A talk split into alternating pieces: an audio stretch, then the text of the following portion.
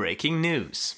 Ja, så kom den då, sommarens första stora trade. Och det precis när vi hade stängt av mikrofonerna till det 56 avsnittet och Olof slängt sig in i en taxi till Landvetter och upp i luften. Men det bryr sig ju inte Major League om tyvärr. Där är det ju business as usual. Och Eh, mm, Chicago White Sox 28-årige vänsterhänte pitcher José Quintana byter keps och flyttar till stans norra delar och kliver rätt in på Wrigley Field och ger Chicago Cubs starting rotation en ordentlig boost i jakten på att hinna ikapp överraskningen Milwaukee Brewers som ligger hela fem och en halv match före i National League Central. Och åt andra hållet går Chicago Cubs högst rankade prospect outfielden Eloy Jiménez, och deras åttonde högst rankade prospect, den spännande pitchen Dylan Cease, samt två andra unga talanger, vilket leder till att Chicago White Sox nu har nio av de hundra främsta framtidslöftena inom basebollen. Mm. Hur detta kommer att sluta är ju omöjligt att sia om såklart, men till skillnad från förra året när Cubs skickade iväg sitt framtidslöfte Gleyber Torres till Yankees för några månader av Aroldis Chapmans tjänster så får man här faktiskt kontroll över José Quintana ända fram till 2020. Så även om de inte skulle komma ifatt Brewers i år och lyckas försvara sin världsmästartitel så är det också en trade för framtiden. Men nog hade det varit häftigt att se den forna White Sox pitcher-duon Chris Sale och José Quintana möta sin World Series redan i år mellan Boston Red Sox och Chicago Cubs. Mm. Quintana är väl inte uppe i det absoluta toppskiktet bland de tre, fyra bästa, men det ska bli oerhört intressant att se vad han kan uträtta i topplag. Men nu är det hög tid att kicka igång veckans avsnitt, det 56.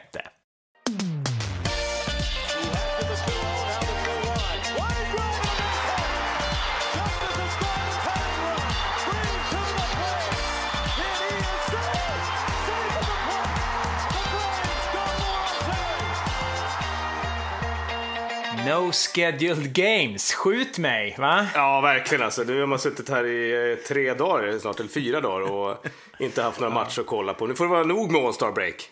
Ja, det här är ju sommarens absolut värsta vecka, eller Ja, hur? ja det är nästan värre än off-season skulle jag säga. Ja, det blir liksom bara att man bara, helt plötsligt bara värsta... Exakt. Ja. Någon tar eh, heroinet ifrån en. Ja. Men ja, ska vi snacka lite om vad som hände i helgen innan någon tog vårat baseball-heroin ifrån oss då? Ja, det kan vi väl eh, göra ändå. Vi hade ju faktiskt en ytterligare en immaculate inning. Inför den här säsongen 2017 så var det faktiskt 81 spelare som hade gjort en immaculate inning genom MLB-historien. Och eh, det är ju då en pitcher strikar ut tre slag men i följd på tre kast vardera. Och, eh, men nu är det helt plötsligt 86. Otroligt. Ja, för det har blivit fem stycken 2017 och nu senast så var det Clevelands pitcher Carlos Carrasco som i toppen fem i fredagens match mot Detroit där Cleveland då vann med 11-2. Eh, strikade ut eh, Nicolas Castellanos, Mikey Matuk och José Iglesias på sammanlagt nio pitchar. Då. Mm, ja, men det är coolt. Och de andra som eh, har gjort det här den här säsongen är ju Drew Storen, Craig Kimbrell, Max Scherzer och Kenley Jansen, Dodgers eh, closer där. Och eh, det här var faktiskt endast den andra gången i Clevelands historia som det skedde ju. Och eh, tidigare var det Justin Masterson som gjorde det här i 2014 mot Boston. Så att, mm, ovanligt. Ja, och eh, det här var ju någonting som vi faktiskt tog upp i något av de första avsnitten den här säsongen tror jag. Och Ja, jag tror det. Visst nämnde vi då vilka pitchers det var som har gjort eh, alltså immaculate innings vid multipla tillfällen? För de är ju... Ja, eh, Sandy Koufax har gjort det tre gånger, han är ju värst. Men sen har vi Lefty Groove, eh, Nolan Ryan och Randy Johnson som har gjort det två gånger var då. Ja, det är imponerande faktiskt. Eh, men det, jag måste säga att det är extra kul för Carrasco som hade ju årets oflyt förra säsongen då han, eh, han missade ju eh, 2016 års postseason och då World Series eftersom Cleveland tog sig dit. Eh, Just det. Han fick en comebacker och bröt handen två veckor innan slutet på regular season. Så att eh, Aj, aj, aj. det här plus att han haft lite skadeproblem eh, även den här säsongen gör att man känner lite extra för den här framgången, eller hur? Ja, kul. Absolut. Men sen har vi en annan pitcher som ja, har haft det tungt men där det kanske sker en liten ljusning, eller? Ja, eh, poddens egna lilla maskot får vi nästan kalla honom, Bartolo Colon. Ja. Han blev ju designated for assignment först av Atlanta Braves och releasades då förra tisdagen då efter det. Eh, mm. Efter att ha inlett säsongen då eh, två wins och åtta losses och en era på 8 och 14. Eh, men framtiden ser lite ljusnare i varje fall för Bartolo. För i lördag så plockades han upp av eh, Minnesota Twins på ett minor League-kontrakt. Mm. Och eh, det här kanske kan bli en liten win-win situation. För Minnesota är ju väldigt stort behov av lite pitcherdjup. Och eh, man får ju faktiskt inte glömma bort att förra säsongen så gick ju eh, Bartolo 15-8 och han en era på 3-43 med Mets. Så att visst borde han kunna hjälpa Minnesota på traven, eller hur? Ja, men absolut. Och var det inte så att Mets blev lite förgrymmade, va? För att han, ja, innan han gick till Atlanta så var han ju tre år i Mets och blev lite av en kultfigur där ju. Ja, ungefär som har blivit i den här podden ju. ja, exakt. Och ja, eh, men de hade väl hoppats lite grann på att ändå kunna knyta till sig Cologne igen och eh, ja, dra lite publik till Cityfield, var det inte så? Jo, jag tror det. Eh, för att de är ju ett lag i kaos och i kris och ja, vi har ju pratat ganska många gånger om det här PR-tricket med att ha signat Tim Tebow, mm. eller hur? Så att, eh, ja, de hade väl hoppats på ett annat PR-trick då, att signa Bartolo för att, eh, ja, de har väl lite problem att få folk för säsongen är i princip över. Visst är det så, och istället för att gå till City Field så är det nu till Target Field som folk kommer att vallfärda och eh, mm. ja, lite skrattretande måste jag ändå säga att Mets besvikelse är. För vad är det vi pratar om? Jo, det är att de blir förbannade på en på att en 44-årig pitcher med en era på 8-14 över 63 innings pitched inte signa med dem. Jag vet inte om det säger mest Nej. om Mets eller Bartolo Colon. the, the, big sexy. Yes. Nu får de lite sexighet i, uppe i Minnesota istället. Ja, det kanske kan vända med. deras eh, lite negativa trend. Mm. Men hur går det för en annan liten masko som vi har pratat mycket om här i podden, Mike Trout i Inland Empire 66ers där han är ju. Ja, det, det ska jag berätta för er. För att efter eh, fyra matcher med våra gamla polare där i San Bernardino ja. så är faktiskt tanken att Mike Trout ska vara redo att köra nu på fredag då Angels tar emot Tampa Bay Rays hemma på Angels Stadium. Och eh, mm. ja, den här stinten då i Inland, Inland Empire 66 började väl sådär men slutade desto bättre, eller hur?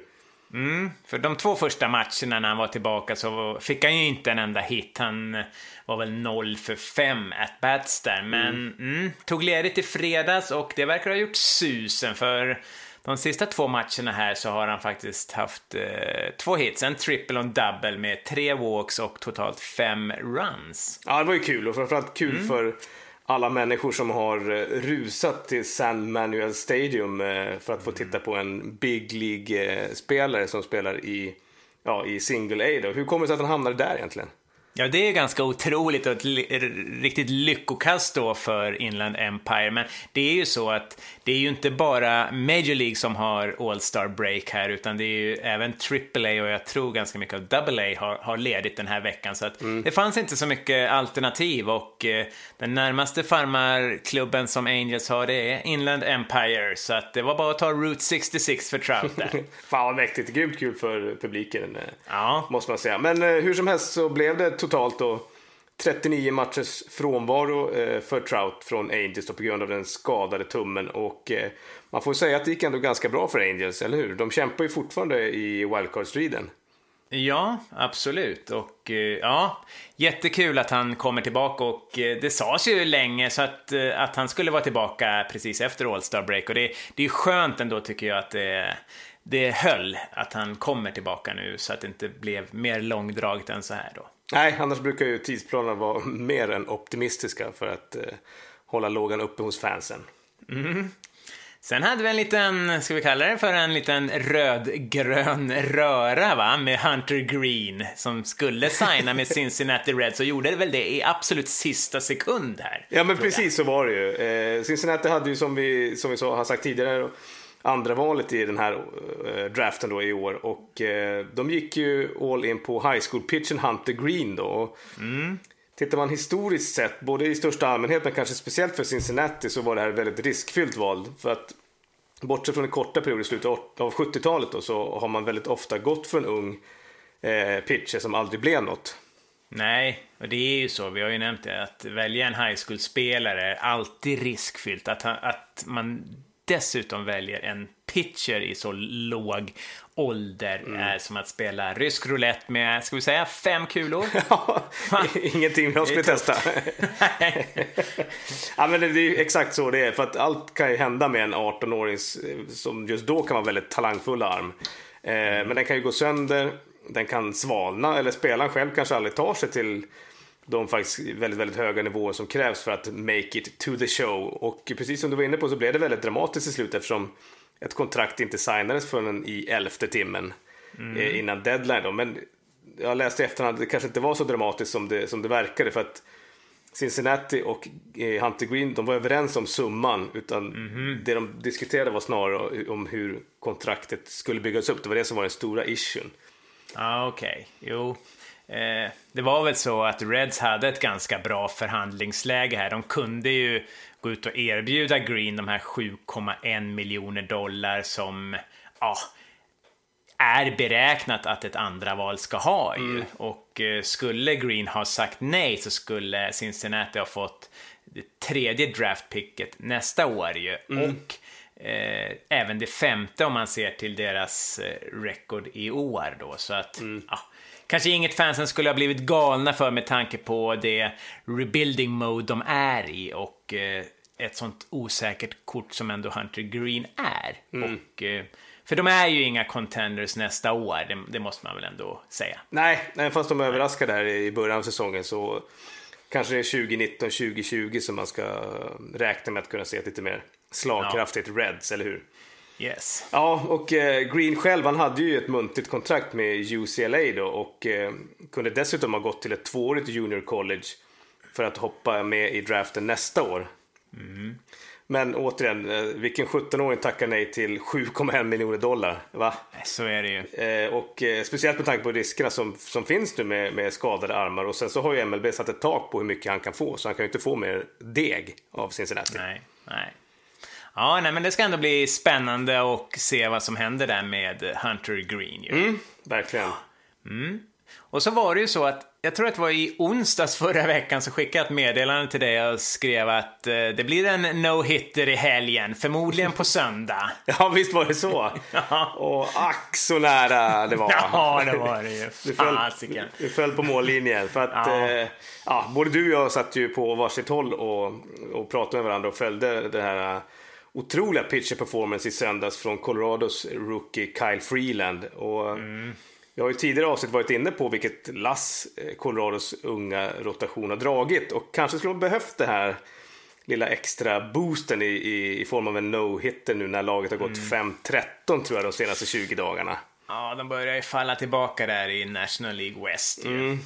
Men spännande var det i alla fall och ja, både du och jag var ju grymt övertygade om att det faktiskt var kört när vi nästan samtidigt uppmärksammade varandra på det här eh, lilla röda skylten som tänds upp i, i appen när, ja. när det är no-hitter på gång i sjätte inningen ju. Ja, så fort vi har skickat ett sms till varandra så brukar det dröja typ en pitch så är den borta. ja, Men den hängde kvar. Ja, den hängde kvar ja. Och eh, det var ju kul att se för Freeland, han själv han var ju så otroligt uppumpad. Och mm. hade familjen på läktaren som stöd och publiken var galen. Och eh, sen så älskar jag de här eh, bilderna mot slutet av matchen. För då, då är det så jäkla viktigt att eh, eller det har blivit en grej att pitchen ska ju sitta själv och bara ladda, han ska vara i zonen. Mm, mm. Så då sitter antingen laget eh, ihopknuffade i ena sidan av dugouten eller som i det här fallet att de står lutade mot räcket så att pitchen får sitta helt själv på bänken och ladda. Mm.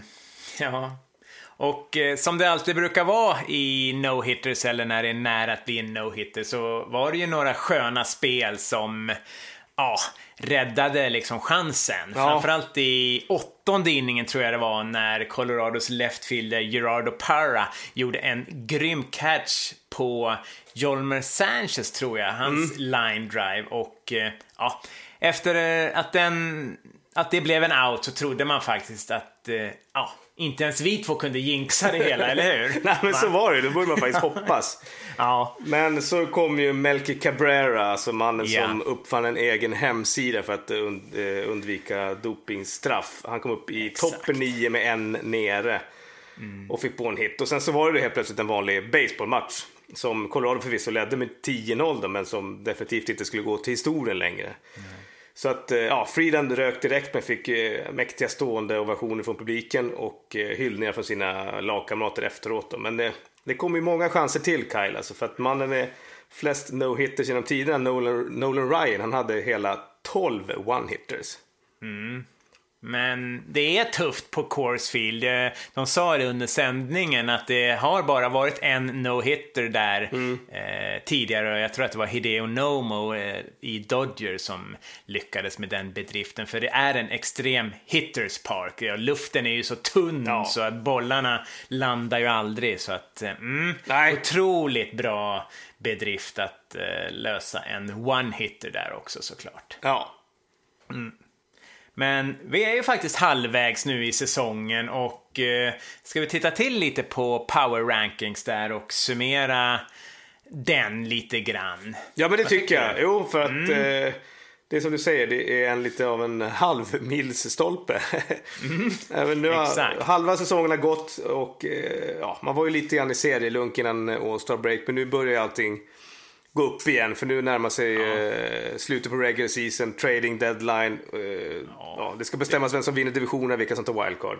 Mm, det kommer gå fort nu, men ja, om vi tittar på första halvans kanske, ska vi kalla dem för katastrofer, så har vi ju San Francisco Giants där som har sjunkit 21 placeringar i, i ranking sedan eh, försäsongen. Va? Oj, det är inte bra alltså. Men de är Nej, ju och de- otroligt usla. Ja, men de dök ju fort liksom. Det var ju liksom direkt så rankades de ju där nere. Och eh, ett annat lag som har gjort en besviken på senare tid är ju faktiskt Baltimore Orioles. För eh, de har tappat, jag tror det var 19 placeringar eh, bara de senaste sju veckorna här. Så att Ja. de började säsongen helt okej, eller bra, men ja, nu på slutet har de ju verkligen gått Kallar vi det kräftgång eller? Ja, det gör vi faktiskt. Ja. Vi kallar det kräftgång. Och det verkar ju Ja. vara deras eh, melodi.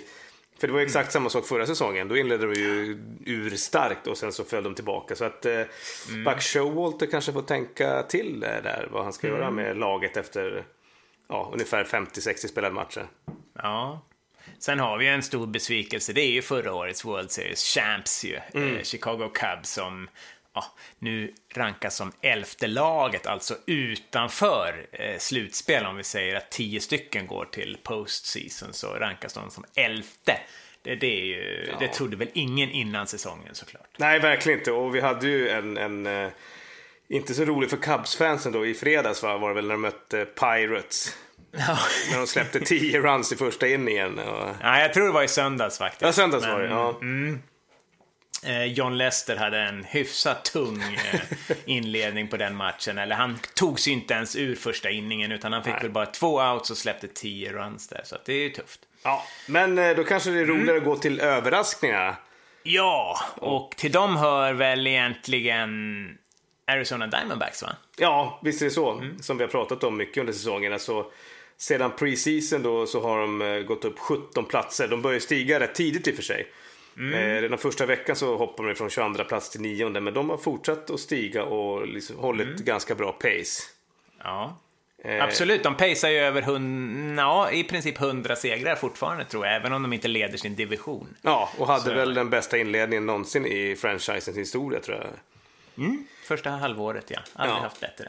Och eh, sen så har vi då Milwaukee Brewers då, apropå Cubs, Mm. som eh, håller i toppen i eh, National League Central. Nej, det vore en otrolig skräll, vore det inte? Men nu är det ju nästan så att man kan börja ja, hoppas på det, eller tro på det, eller vad man nu ska kalla det. Om man är Cubs-fan kanske man inte vill hoppas på det, men sannolikheten börjar ju växa, eller hur? Jo, visst är det så. Och det, jag tycker det är kul. Alltså, Craig Counsell, Mm. deras eh, coach, han, är, verkar, han gör ett bra jobb. Mm. Han verkar kunna ta tillvara på liksom, ja, det är väl inga jättestora stjärnspelare i laget, men kunna, verkligen kunna samla dem till mot ett gemensamt mål. Och, och ja, jag gillar det. De, och de har ju hoppat också ganska fort från 28 plats till 14. Mm. Sen stod de still där två månader, kanske mycket för att folk trodde så på Cubs att de skulle komma till slut. Just det. Eh, men nu här på slutet så har de faktiskt hoppat upp eh, till den hittills bästa placeringen som är åttonde plats då. Ja, det, de är ju verkligen något att räkna med. Och visst, man tilltalas ju lite av sådana här lag som eh, gör lite eh, andra val, så att säga. De, mm. de, tog in en kille som alltså kommer från Korea, eller ja. som har spelat i Korea, en, liksom, en föredetting, Eric Thames. Mm. Alltså, och liksom gör det och, och får det att lyckas och får, syr ihop ett lag. Ja. Det är kul. Ja, absolut. det är det absolut. Och det, det, kanske var det hans inledning. Han var ju stekhet här första mm. månaden ungefär. Var det som fick eh, igång laget. Ja. Och eh, ja, nu ser det ut som att de kommer att vinna divisionen. Det är mycket ja. kvar såklart. Men... Jo, det, det, är det ju absolut. Och, eh, men ja, de är ju de enda, eller det är ju den enda divisionen som där man kanske eh, tror på, på en annan eh, segrare än eh, vad man gjorde innan säsongen. Ja, det så. För i de andra divisionerna, om man tittar i American League, då är det Boston, Cleveland och Houston mm. som ja, ser ut att, att ta hem det. Och i National League East så har vi Washington som ju kommer ta hem det och mm. förmodligen Los Angeles Dodgers i West-divisionen. Så det är kul att vi har en liten outsider där i, i Central. Ja, visst är det så. Mm. Men någonting som har ändrats mot vad man trodde innan säsongen är ju faktiskt wildcarden. Mm. Mm, om man tittar där så trodde ju många på Mets och på Giants i National League. Men mm. där ser det ut som att det är två andra lag i National League West som vi har sagt, Diamondbacks och Colorado Rockies. Just det.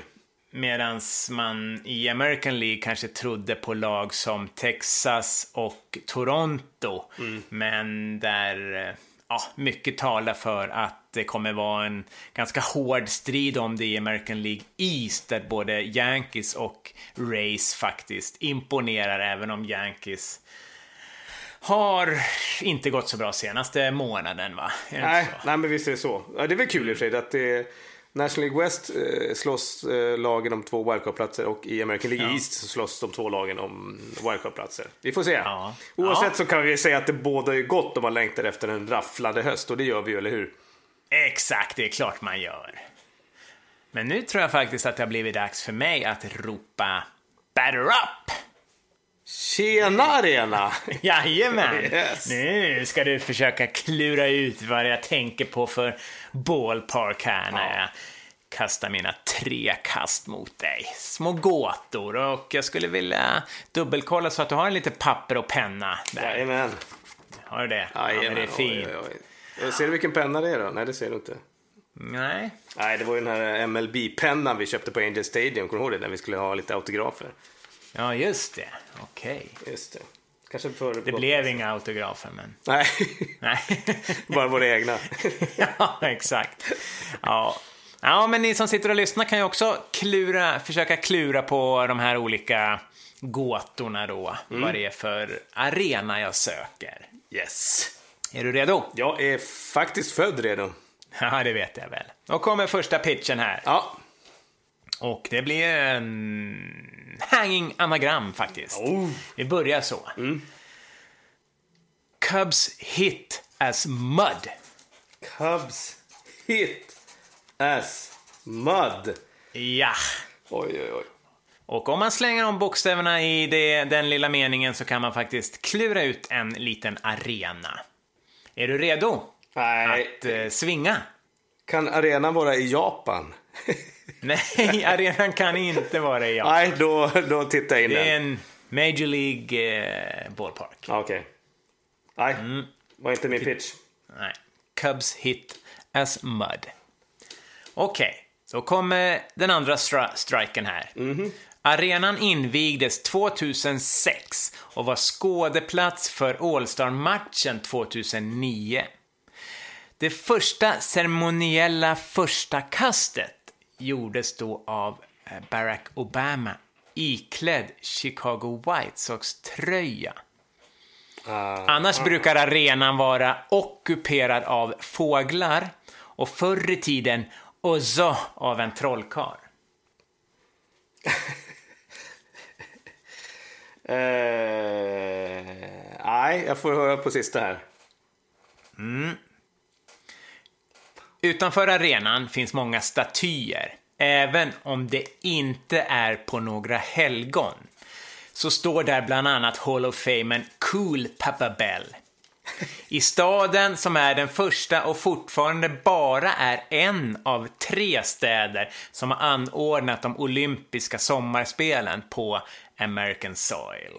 Ja, mäktigt. Jag, måste, alltså, jag, var, jag, var, jag, jag tog det faktiskt precis när du började läsa sista striket. Ja, jag såg det. Jag hörde där att det började krafsa Ja, lite på exakt. För att, eh, det var ju Ozzy Smith där. Ja, exakt. Eller hur? Men... Så det måste ju vara... That's all there is to the game, dear. If you cheat, the umpire throws you out. You cheated and you lied, you were never satisfied. You made three strikes and now you're out.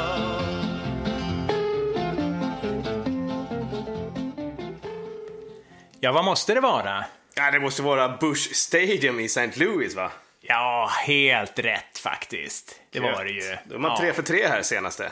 ja, men det är riktigt, riktigt bra. Jag är stolt över dig. Ja, skönt att höra. Ja. Men, ja, de hade ju alltså All-Star-matchen eh, 2009 och eh, nu har vi ju precis genomlidit en All-Star-match nere i Miami här faktiskt. ja, hitta på ploj-matchen. Ja, och eh, American League vann ju den. De har faktiskt vunnit den fem år i rad här och eh, ja, det blev ju lite, lite, lite spännande i en totalt ospännande match när eh, Robinson Cano slog en homerun i tionde inningen där och vann. Så de vann med 2-1 i matcher och eh, 2-1 i poäng, va? ja, just det, 2-1 i runs, ja, exakt. Ja, tänk om det hade varit tre All-Star-matcher. Då hade vi strukit med, alltså. Ja, shit. Ja. Nej, men det som ändå var lite roligare var ju ändå homerun derbyt i måndags som, eh, ja, där eh, det var Aaron Judge och sen sju statister, eller hur? Ja, det får man säga. Herregud vad han dominerade. Ja. Men den mest intressanta storyn från Miami och Florida den här veckan är väl kanske storyn om Danilo Valiente. Vet du vem det är, Olof? Ja, men det gör jag faktiskt. Jag satt ju uppe, som kanske några andra också gjorde, och tittade på Home Run Derby. Och, eh, om det då var några andra som kollade så, så kanske ni också lade märke till Danilo Valiente, den ganska korta farbrorn som fungerade som eh, pitcher då till Aaron Judge och Gary Sanchez under derbyt. Mm, visst var det så. Och eh, ja, medan de andra deltagarna valde att låta sina farsor eller också i vissa fall gamla vänner eller gamla lagkamrater pitcha till dem under homerun derby så valde babybombarna då från Bronx sin vanliga batting practice pitcher Danilo Valiente. Mm. Och man kunde verkligen se hur han njöt. Han hoppade ju upp i famnen på Judge när Judge hade vunnit hela, hela skiten ju. Ja, han fick hoppa högt. Jag tror de hade en trampolin utsatt till honom. Ja, det var ju så. Aaron och Gary hade ju bjudit honom på resan till Florida som ju är Danilos hemstat i USA. Hit och, ja, lite närmare bestämt till Tampa kom han med sin nyblivna fru 2006. Men mm, livet blev inte som de hade tänkt sig. Inte alls faktiskt. Nej, och tar vi det från början då så föds då Danilo Valiente den 13 januari 1966 tror jag var, i utkanten av Havanna då på Kuba. Och nio år gammal så tar han mod till sig och tar lokalbussen till baseballklubben Bojeros akademi. Och ja, det dröjer ju inte många markbollar tills han är helt uppslukad av spelet och förälskad i sporten. Och Klubben befinner sig i den kubanska andra ligan och Danilo blir från allra första dagen klubben trogen under alla sina år som spelare faktiskt. Just det. Och eh, 16 år efter han hade travat in där på anläggningen utan varken slagträ eller handske så blir han redan som 25-åring alltså eh, coach istället. Och Och eh, efter några lyckade år som coach i Bojeros med eh, bland annat pitchen Orlando Hernandez, El Duque, alltså Just hertigen som vann fyra World Series-titlar, jag tror tre med Yankees under sin karriär. Så, ja, efter han har gjort eh, lite succé där som coach så blir han värvad till Metropolitanos, det är lillebrorlaget i Havanna. Eh, lite bakom de mer framgångsrika Industriales, men ändå på den absoluta toppnivån på Kuba. Och eh, ja, lönen däremot, den var inte på topp. Nej, han, eh, han kvitterar ut ungefär 70 spänn i månaden och jobbar samtidigt som han coachar på ett sjukhus i centrala Havanna. Eh, Men eh, han får ju gratis bonustransport, måste man ju tillägga. Eh, Men här snackar vi inte bil, utan här är det cykel som gäller. Ja, Och ja, åren som coach i Metropolitanos rullar på. Ibland får han eh, också hoppa in som tredje bascoach när landslaget spelar, vilket ju är stort. Och Livet i röda gruset fortsätter under många arbetsdagar och långa säsonger. Till och med 2001 när han springer ihop med den amerikanska turisten Isabel, som besöker Kuba för första gången. just det. Säger det klick även i Karibien så säger det faktiskt klick vid det tillfället.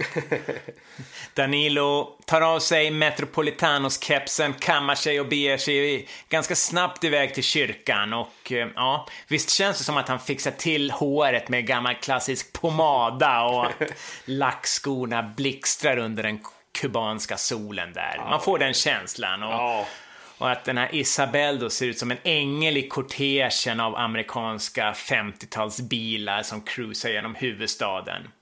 Och ja, efter två ja och lite mambo, kanske lite cha-cha-cha rom och eh, ja, diverse pappersexercis så packar paret 2006 sina väskor och eh, flyttar till USA då, till Tampa.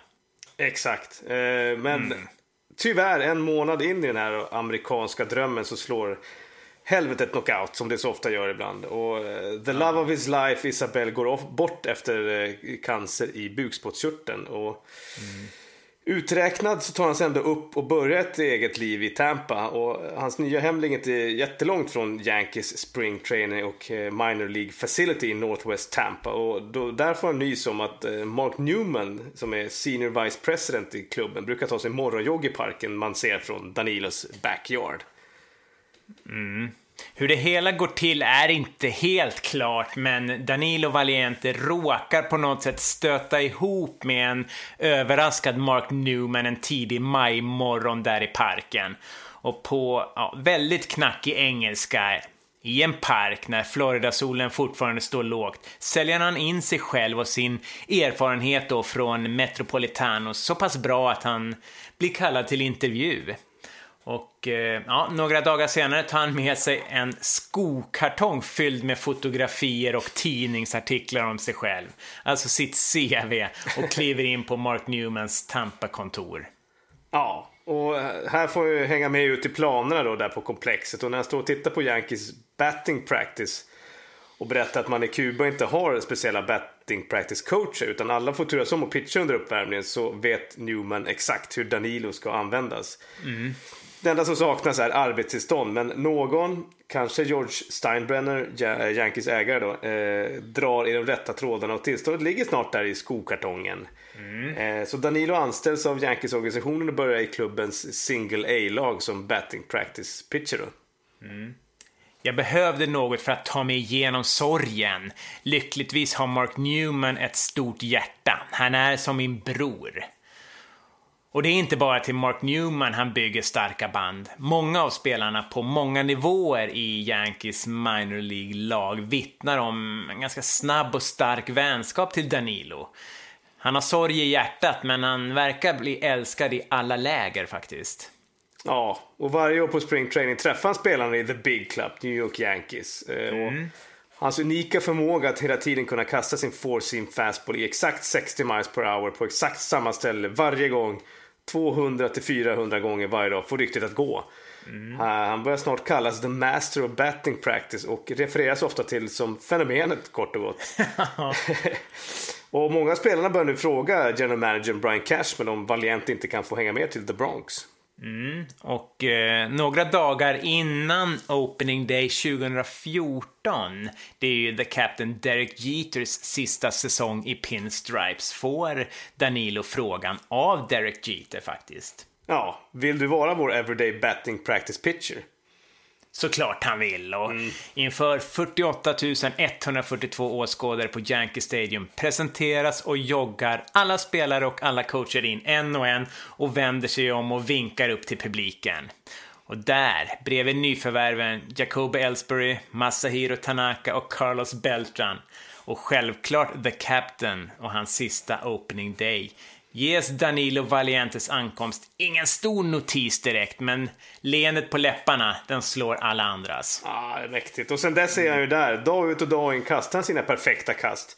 På exakt, exakt samma ställe och med exakt samma hastighet träffar hans four-seam fastball storstjärna slagträn på ett sätt som får deras egon och självförtroende att eh, skjuta höjden. Mm, som en homerun. Exakt, the master of batting practice. Fenomenet. Så är det ju.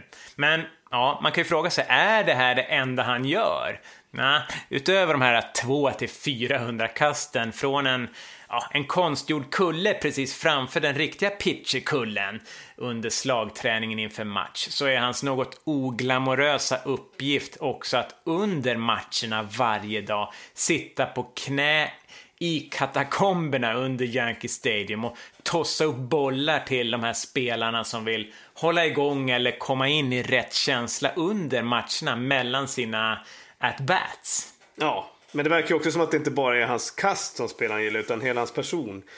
Danilo Valiente, värd eh, allt gott verkar det som. Ja, absolut. En glädjespridare och kanske lite av en fadersgestalt. Tror du inte det för de här unga killarna? Jo, men det känns som det. Att han har verkligen lyckats få den rollen i varje lag han har hamnat i. Ja, häftigt. Och bortanför strålkastarljuset. En ljusglimt trots alla mörka motgångar han har haft. Och eh, ja, Valiente kan man ju undra, vad betyder det? Ja, vad sägs för att göra den här Hollywood-historien ännu bättre? så kommer ju namnet från latinets valere, alltså be strong, alltså kraft. Ja. Och eh, att ordet även har synonymer som modig och empatisk, va? Passar ganska bra, va? Ja, det är klockrent. Tre betydelser som har tagit honom så här långt. Danilo Valiente.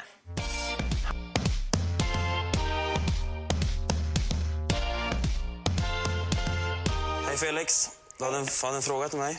Ja, men då har vi redan kommit fram till mitt favoritsegment här i podden. Ja, det har vi. Det går snabbt som attans när man har kul. Och eh, ja, precis som vi gjorde i söndag så satt Magnus och kollade på eh, Kyle Freelands no-hit bid och eh, skickade in följande fråga. Tar du den Niklas?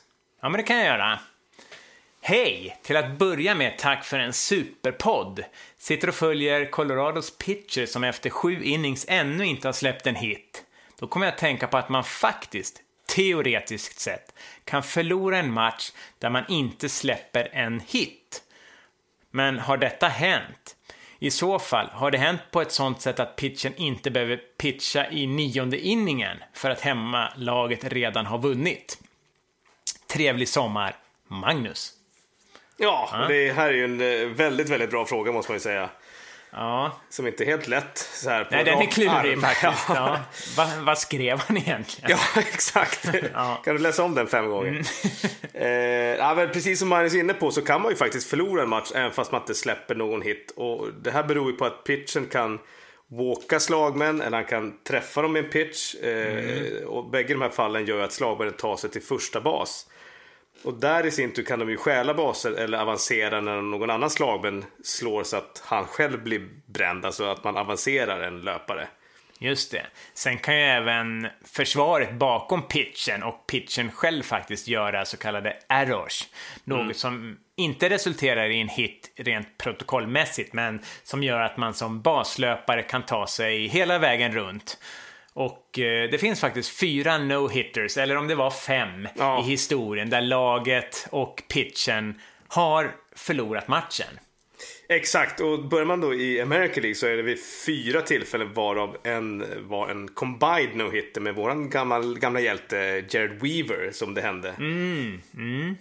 Och eh, alla de här matcherna var no-hitters över åtta inningar eftersom det vinnande laget var hemmalag.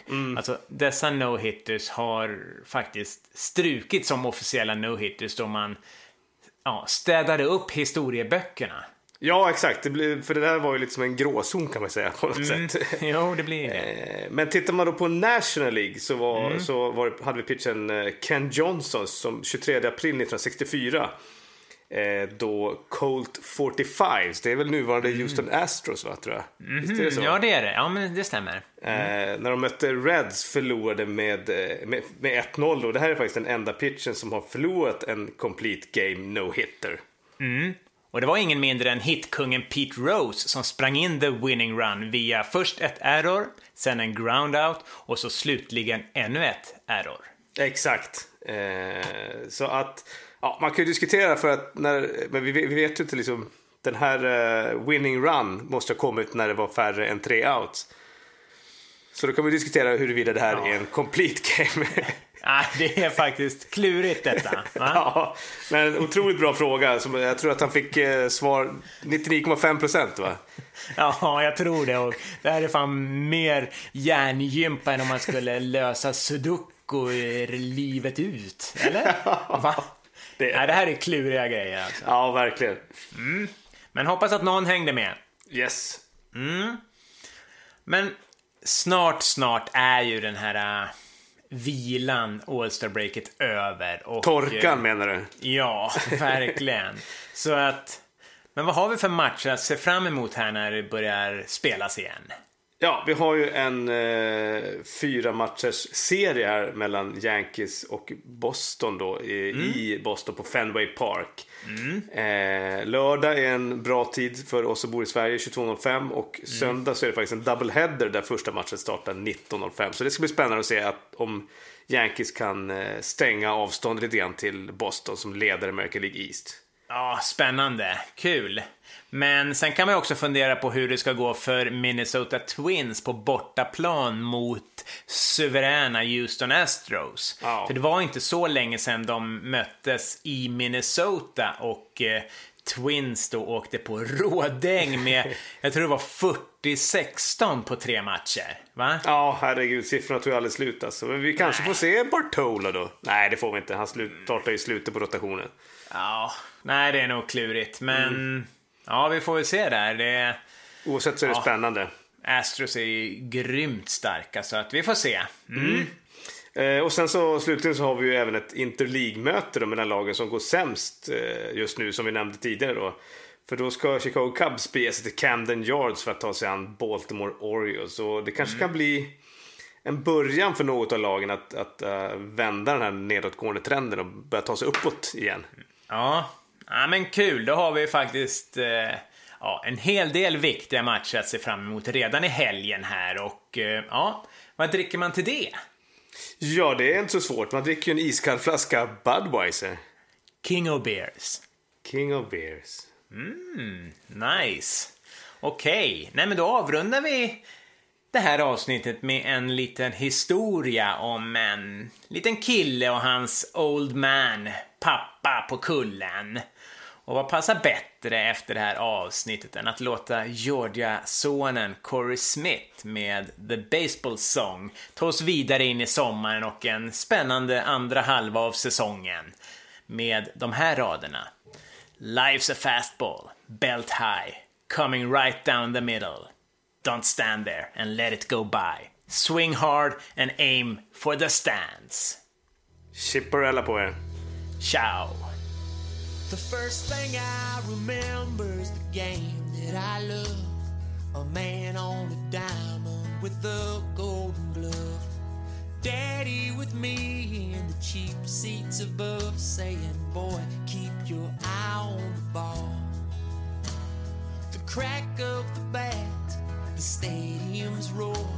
We were up on our feet for the tie breaking score. I said, Daddy, I know what you brought me here for. He said, Good, I hoped you'd hear the call. Life's a fastball, bell tie, coming right down the middle. Don't stand there and let it go by. Swing hard and aim for the stands.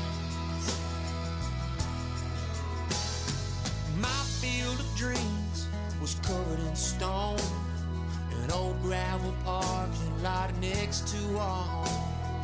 Dad on the mound until the daylight was gone, saying, Boy, keep your eye on the ball. Cause it's hey batter, hey batter, swing batter, swing. The world is an infield, always chattering. If you don't concentrate, they'll spoil your timing and you'll cussing them all.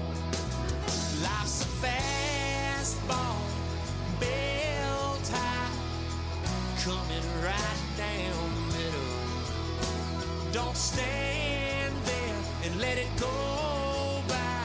Swing hard and aim for the stands. And thank God for your fans. Thank God for your fans. Thank God for your fans. Thank God for your fans.